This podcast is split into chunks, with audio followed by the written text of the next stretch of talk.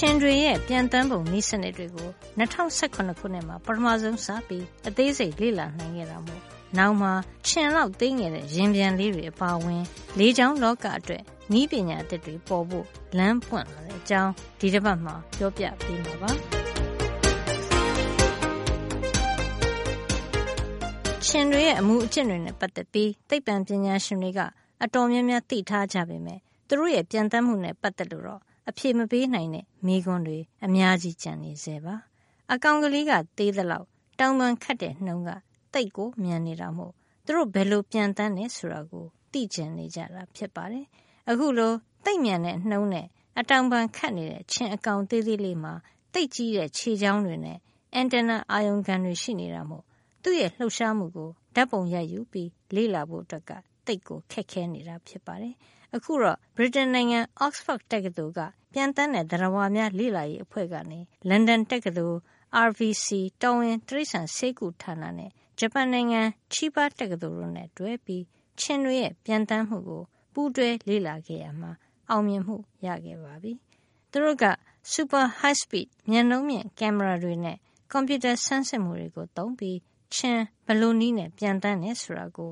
နားလည်အောင်စူးစမ်းခဲ့ကြတာ ဖြစ်ပါတယ်။ ပြန်တန်းတာနဲ့ ပတ်သက်ပြီး ဗရုံးကောင်တွေရဲ့ ပုံမှန်မပြန်တန်းနိုင်တဲ့ ပြဿနာကိုပဲ ဖြေရှင်းနိုင်သေးတဲ့ သိပ္ပံပညာရှင်တွေဟာ အခုတော့ချင်းတွေရဲ့ ပြန်တက်လိုက်ချိန်နဲ့ကြွေပြီးပြီးချင်း အချိန်တွေမှာ ဘာကြောင့် အတောင်ပံခတ်နိုင်လဲဆိုတာကို ရှင်းပြနိုင်ပြီ ဖြစ်ပါတယ်။သူတို့ရဲ့ တွေ့ရှိချက်ကို Nature စာစောင်မှာ2018ခု March လထဲမှာ ဖော်ပြခဲ့တာ ဖြစ်ပါတယ်။ယောဂပိုးတွေတဲဆောင်ရမှာ နာမည်ကြီးတဲ့ Helix ချင်ကြားကို လေ့လာဖို့ဓာတ်ပုံရိုက်ရမှာ ဘယ်လောက် အခက်ခဲတွေနဲ့ ရင်ဆိုင်ခဲ့ရတယ် ဆိုတာတွေကို ဖော်ပြထားပါတယ်။ခန္ဓာကိုယ် ထူးထူးခြားခြား ရှည်မျောမျောနဲ့ တောင်ပန်ပြက်ကျင်းတဲ့ချင်ကြားမှာ တခြား insect တွေနဲ့ မတူတဲ့ ထူးခြားတဲ့ပြန်တန်းတဲ့ ပုံစံရှိပါတယ်။ချင်ကြားဟာ40ဒီဂရီကွေ့ရမှာတစ်စက္ကန့်ကို အကြိမ်800လောက် အတောင်ပန်ခတ်ပါတယ်။ဒါဟာ သူ့လို အကောင်သေး insect အများစုပြန်တန်းနှုံတဲ့လေးဆလောက် မြန်နေတာမို့ သူ့ရဲ့လှုပ်ရှားမှုကို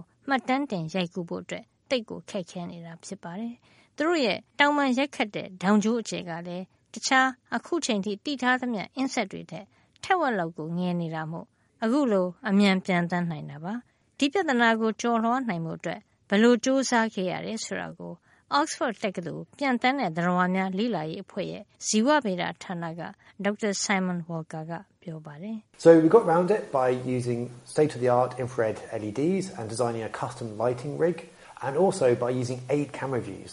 ကင်မရာရှီလုံးနဲ့ရိုက်ပါတယ်။သုံးနေကြမိထိုးတဲ့ပုံစံကိုပဲသုံးပြီးတတ်ထားတဲ့မီလုံးတွေကနောက်ဆုံးပေါ်အနီရောင်အောက်ရောင်ကြီးသုံးမီတွေပါ။ insect ပူအောင်တွေကိုရိုက်မယ်ဆိုရင်ပုံမှန်အတိုင်းကကင်မရာအနည်းဆုံးနှလုံးလောက်ပဲလိုတာပါ အခုတော့ ကင်မရာတွေ ပိုတက်ထားတဲ့အတွက် ဒီကောင်ကိုဒေါင်မျိုးစုံကနေ မြင်နိုင်ပါတယ် ဒီလိုရိုက်နိုင်တဲ့အတွက် insect ကိုယ်ထဲမှာ တနေရာအတွက် အသေးစိတ်သိကျင်ရင် 3D ပုံရအောင် တွက်ယူနိုင်ပါတယ် ဒါပေမဲ့ ဒီချင်းအာယုံခံဖို့သုံးတဲ့ antenna နဲ့ သူ့ရဲ့ခြေချောင်းတွေက မြင်ကွင်းကို ဝင်ရှုပ်နေတာမို့ ပြဿနာ ရှိတတ်ပါတယ် အခုလို ကင်မရာရှီလုံးကို သုံးတော့မှ ကင်မရာတစ်ခုမှကွဲနေရင် နောက်ကင်မရာမှာ မြင်နိုင်တာမို့ချင်းရဲ့အတောင်ပံတွေ ဘယ်လိုခတ်တယ်ဆိုတာကို သေသေးချာချာ မြင်နိုင်မှာ ဖြစ်ပါတယ် ဒီနည်းပညာမှာတစ်စက္ကန့်ကို ပုံပေါင်းတစ်သောင်း ရအောင်ယူနိုင်ပါတယ်။ဒါကြောင့်လဲအရင်တုန်းက မမြင်ခဲ့ကြတဲ့ အင်းဆက်ပိုးကောင်တွေရဲ့ပြန်တမ်းမှုကို သိလာရတာ ဖြစ်ပါတယ်။သူတို့ဟာ စတူဒီယိုခန်းလေးထဲမှာမျက်နှာမြင့် ကင်မရာတွေကိုတက်ဆင်ထားပြီး ကွန်ပျူတာနဲ့ အထူးလေ့လာတာ ဖြစ်ပါတယ်။ချင်းရဲ့ အတောင်ပံခတ်မှုကို သုံးဘက်မြင် နားလည်အောင် မှတ်တမ်းတင်ပြီး ချင်းရဲ့ ရှုပ်ထွေးလာတဲ့ပြန်တမ်းမှုကို ပုံဆွဲယူတာ ဖြစ်ပါတယ်။ဒီခါမှာ ချင်းရဲ့ပြန်တမ်းမှုကို ကင်မရာ၈ခုကနေတစ်စက္ကန့်ကိုပုံပေါင်းတစ်သောင်းမှတ်တမ်းတင်နိုင်ခဲ့ပါတယ်။ So mosquitoes use three aerodynamic tricks in order to support their body weight. The first of these is the leading edge vortex, a trailing edge vortex, and သူတို့ရဲ့ခုခံတာအလေးချိန်ကိုထိန်းထားနိုင်ဖို့အဓိကသုံးနေရရှိပါတယ်။ပထမတနေရာက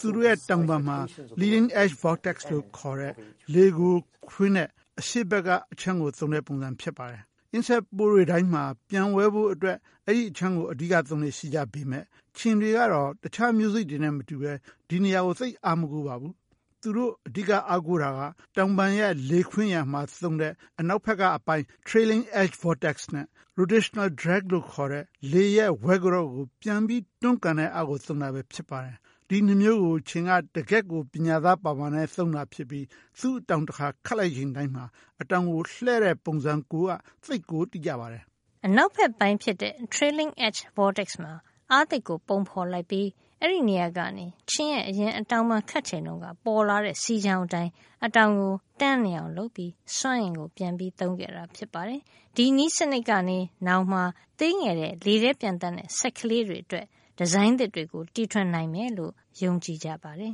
။ So we have smallish drones, but we have nothing down to the size of an insect, and certainly not down to the size of a mosquito, where the whole body is only a few millimeters long.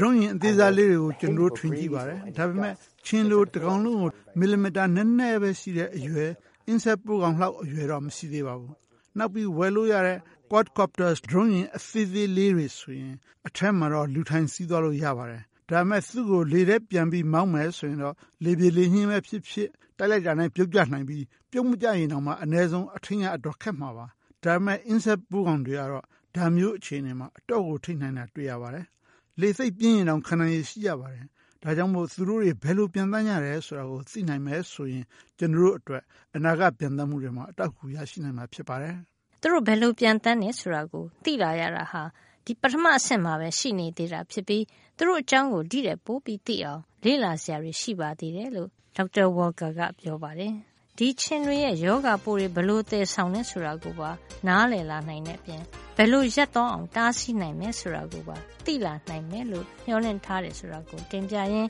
ဒီသတင်းပတ်အတွက် သိပ္ပံနဲ့ နည်းပညာကဏ္ဍကို ဒီမှာပဲညှနာလိုက်ပါရစေ နောက်တစ်ပတ်မှာ ပြန်ပြီးဆုံကြဦးမယ်